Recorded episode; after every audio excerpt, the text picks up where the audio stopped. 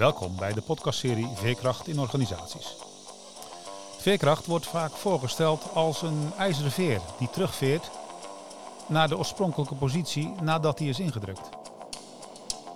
Ik zelf kies liever voor een andere verbeelding. Wat stelt een vogel in staat te vliegen? Hoe balanceert een vogel op de wind? Waarmee bedekt een vogel het nest waarin de kuikens opgroeien? Kwetsbaarheid en kracht vullen elkaar in dit beeld aan. Misschien kan veerkracht ook in organisaties bijdragen om tegenstellingen te verenigen en meer in balans te komen. Mijn naam is Maarten de Winter. In deze podcastserie deel ik verhalen die je daarbij, naar ik hoop, kunnen inspireren. Veerkracht voor veranderaars. De Wetenschappelijke Raad voor het Regeringsbeleid publiceerde in januari 2020 het wetenschappelijk rapport Het Betere Werk.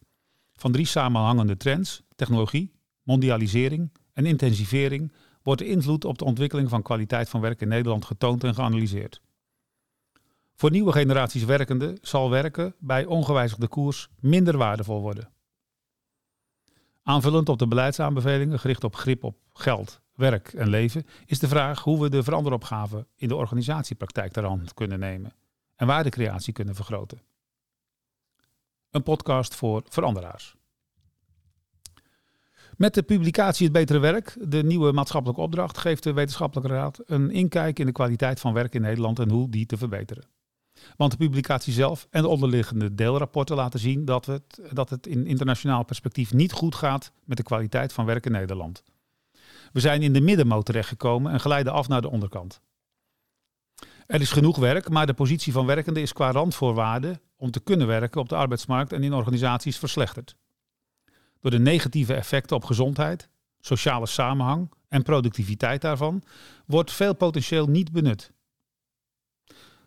Gelukkig kan de tijd nog worden gekeerd. Al roept het wel de vraag op hoe. Centraal staat het begrip werkintensivering. Dat is de noodzaak om sneller met strakkere deadlines te werken, een afname van loze tijd en de noodzaak om een aantal werktaken tegelijkertijd uit te voeren. Het rapport uh, hanteert in tal van case studies ook wel een bredere kijk, waarbij naast kwantitatief ook kwalitatief wordt gekeken naar intensivering van werk. Werkintensivering kan grote gevolgen hebben voor de gezondheid en de productiviteit. Werkintensivering is volgens de Wetenschappelijke Raad naast technologisering en mondialisering een van de drie structurele en samenhangende trends. Dat werk intensiveert staat wetenschappelijk vast. Maar het hoeft geen probleem te zijn wanneer ook de regelmogelijkheden toenemen. En daar gaat het mis, al ligt het wel genuanceerd. In het deelrapport Intensivering van werk worden verschillende beroepen geplot op de assen, taakeisen en regelmogelijkheden. In vier kwadranten ontstaat zo een eerste beeld bij het vraagstuk van werkintensivering in die sector. Niet uitdagend werk, uitdagend werk, te weinig spanning en te veel spanning. Het overzicht maakt de situatie per beroep duidelijk. In andere deelrapporten worden andere doorsneders en de samenhang met andere trends verhelderd. De analyse mondt uit in interventievoorstellen om grip te vergroten. Want goed werk is grip hebben. Grip op geld. Goed werk is werk dat voldoende financiële zekerheid oplevert, ook in verhouding tot anderen en op langere termijn. Grip op werk. Goed werk is werk met een zekere vrijheid, waarbij een beroep wordt gedaan op onze capaciteiten en goede sociale relaties worden onderhouden. Grip op het leven. Goed werk is werk met voldoende tijd en ruimte om het te combineren met zorgtaken en een privéleven. Het rapport biedt een rijke en degelijke analyse en beleidsaanbevelingen. Om de kloof tussen theorie en praktijk te overbruggen, biedt dit, deze podcast enkele gedachten, werkwijzen en operationaliseringen. 1. De operationalisering van de benodigde mindshift. 2. Een veranderkundige strategie. En 3. Investeringen in veerkrachtige veranderaars. Gezien het belang van het onderwerp heb ik mijzelf toegestaan om de gebruikelijke omvang van het podcast los te laten. Veel luisterplezier. De oorzaak.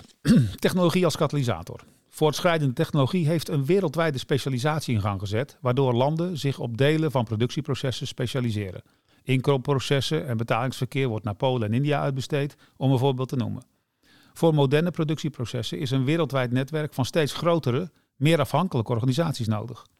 In deze moderne, geglobaliseerde, gereguleerde, complexe wereld is het denken over management niet beperkt tot het inrichten van een enkele organisatie, maar van de productieketen van steeds grotere organisaties als geheel. Het gevolg. Hoe groter de organisatie is, hoe minder die gericht kan zijn of gericht blijkt op ontwikkeling. En hoe meer operationalisering. Ruimte neemt af. Losse arbeidskrachten nemen toe. En er vestigt zich een steeds onpersoonlijker management- en HR-praktijk. Ideeën over het belang van taakverrijking, zelfontplooiing en autonomie worden bepleit in managementopleidingen, maar vinden in dit managementparadigma hun werk naar de praktijk niet. Het Taylorisme, verregaande rationalisering en arbeidsdeling, is vermoedelijk invloedrijker dan ooit, lezen we in het rapport. Dat geeft afnemende verbondenheid, versnippering, terwijl de functiebelasting kwantitatief en kwalitatief toeneemt. Alles onderbouwd met literatuur over ontwikkeling in baan- en taakstructuren. Het is een prachtig rapport. Die intensivering gaat gepaard met afnemende autonomie, afnemende werkzekerheid, afnemende beloning, afnemende verbondenheid en achterblijvende participatiemogelijkheden voor vrouwen. Flexibilisering, discriminatie, intimidatie nemen juist toe. Trendanalyses over autonomie en burn-out geven inzicht in de echte stand van kwaliteit van werk in Nederland. Lof voor de invalshoeken, de tot leven gebrachte verandering en de case studies van vrachtwagenchauffeur tot apotheker, de analyse en het appel dat uit, dat uit de ondertitel blijkt. De nieuwe maatschappelijke opdracht. Wie zich in het rapport verdiept, wordt meegenomen in een onderbouwing dat werk bij ongewijzigd beleid steeds minder waarde toevoegt. Het idee dat werkintensivering waarde toevoegt, wordt ontmaskerd. Als de arbeidsproductiviteit is ondergraafd en nadat ons welzijn is opgeofferd, ontneemt werkintensivering ons uiteindelijk ook de beloofde welvaart.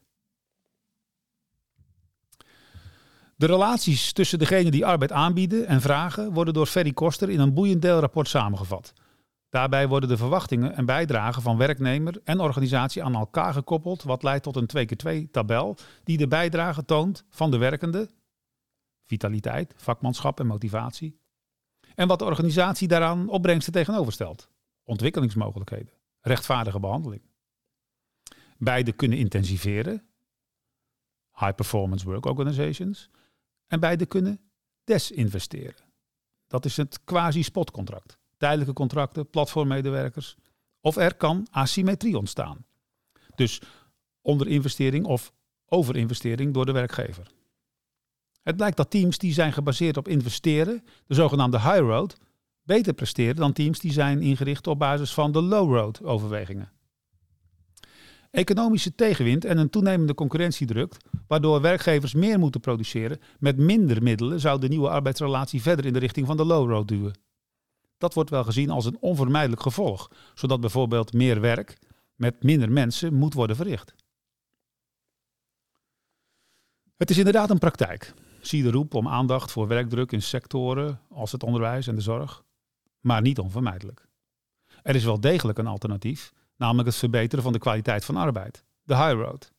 Daarbij staan een aantal aspecten voorop, namelijk inzetbaarheid en training, afstemming tussen werk en privé, betrokkenheid en inspraak en externe flexibiliteit. Het idee hierbij is dat combinaties van deze mogelijkheden, zogenaamde bundels, beter werken dan afzonderlijke interventies. Dat is een programmatische aanpak. Ook biedt het rapport negen beleidsaanbevelingen voor grip op geld, werk en grip op het leven, zoals het versterken van de positie van werkenden in de arbeidsorganisatie. Het rapport toont ambitie door complexe vragen te durven stellen. In plaats van hoeveel besteden organisaties aan de afzonderlijke praktijken, wordt de voorkeur gegeven aan de vraag hoeveel investeren organisaties in werknemers. En uiteindelijk, hoe, hoe stimuleert onze samenleving goed werk? Want de benodigde verandering ligt niet alleen op organisatieniveau. Het rapport onderscheidt vijf niveaus om die regelmogelijkheden te vergroten. 1. Het niveau van de baan. Dus beslissingsvrijheid, jobcontrol en autonomie. Twee, arbeidsvoorwaarden, rustperiodes, hersteltijd, werk-privébalans. Drie, organisatiebeleid, het participatief klimaat. Vier, het organisatieniveau herontwerp, de structuur. En vijf, het overheidsbeleid en de sociale partners.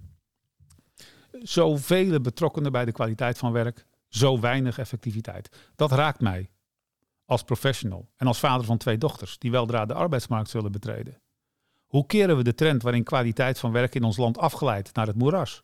Hoe kunnen we het potentieel van mensen beter benutten en talent binden? Dat is gezien de uitdagingen en de energietransitie, van, als de energietransitie, het onderwijs, de rechtsstaat, zorg en vele andere aspecten van de samenleving nodig.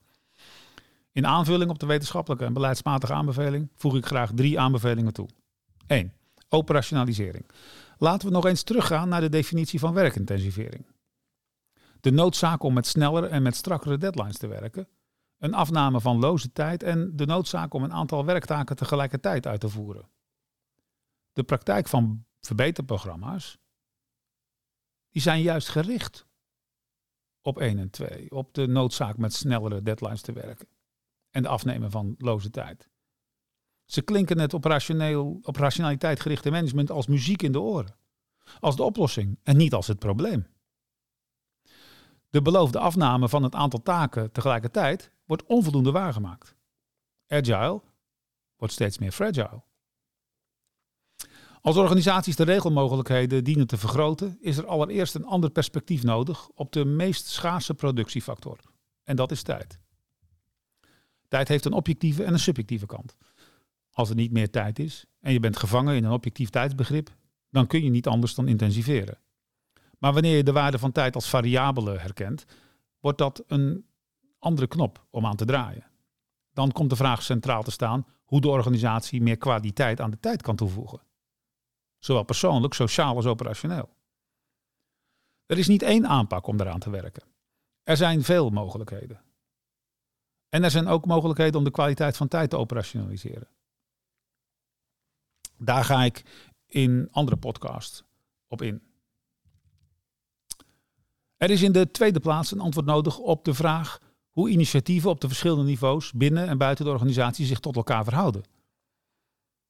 Vanuit het principe dat je zo eenvoudig mogelijk, maar niet eenvoudiger dan noodzakelijk interveneert, ligt er een eerste verantwoordelijkheid bij werkenden zelf om de autonomie die ze wel hebben ten volle te benutten.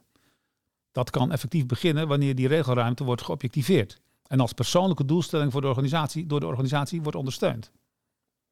Vervolgens kun je de regelruimte op teamniveau benutten. Dat is de ruimte die het individu niet heeft, zodat de werkende daarmee wordt ondersteund. En vervolgens op organisatieniveau kun je structuren inrichten om teams optimaal te laten functioneren. Buiten de organisatie kun je sectorbeleid en overheidsbeleid onderscheiden. Deze afbakeningen lijken vansprekend, maar ik zie in de praktijk dat het ontbreekt. Onnodige complexiteit en generieke regulering verkleinen kansen met stagnatie en verandering als gevolg. Er is nog veel te doen wanneer we welvaart en welzijn samenhangend willen ontwikkelen. Ten slotte drie veerkrachtige veranderaars. Veerkracht in organisaties, sociotechniek, requisite organizations of holacracy zijn voorbeelden van op meer regelmogelijkheden gerichte aanpakken. Vanuit de positieve psychologie is bekend dat het zichtbaar en voelbaar maken van de individuele onbenutte potentieel een beginpunt kan zijn om te werken aan betere benutting van dat potentieel. Dat is een belangrijke overeenkomst tussen genoemde voorbeelden. De mogelijkheden en de eigen verantwoordelijkheid van de werkende voor groei en ontwikkeling worden geactiveerd. Of het nu in de vorm is van meer participatiemogelijkheden voor vrouwen of in een meer externe flexibiliteit, dat maakt niet uit. Het gaat erom waar de kansen liggen. En dat is een belangrijk aspect van de benodigde denkwijze, van welke methode dan ook. In een open kenniseconomie past het niet dat inspirerende perspectief voor te schrijven. Maar je zou wel creatieve concurrentie kunnen stimuleren en faciliteren. Er bestaan veel op het systeemgerichte methoden om organisaties te vernieuwen. Maak verbeterconcepten vergelijkbaar binnen een raamwerk van denkwijze, werkwijze en instrumenten met klantverhalen. Daarmee wordt de veranderkundige kennis ontsloten en de drempel voor sociale innovatie verlaagd.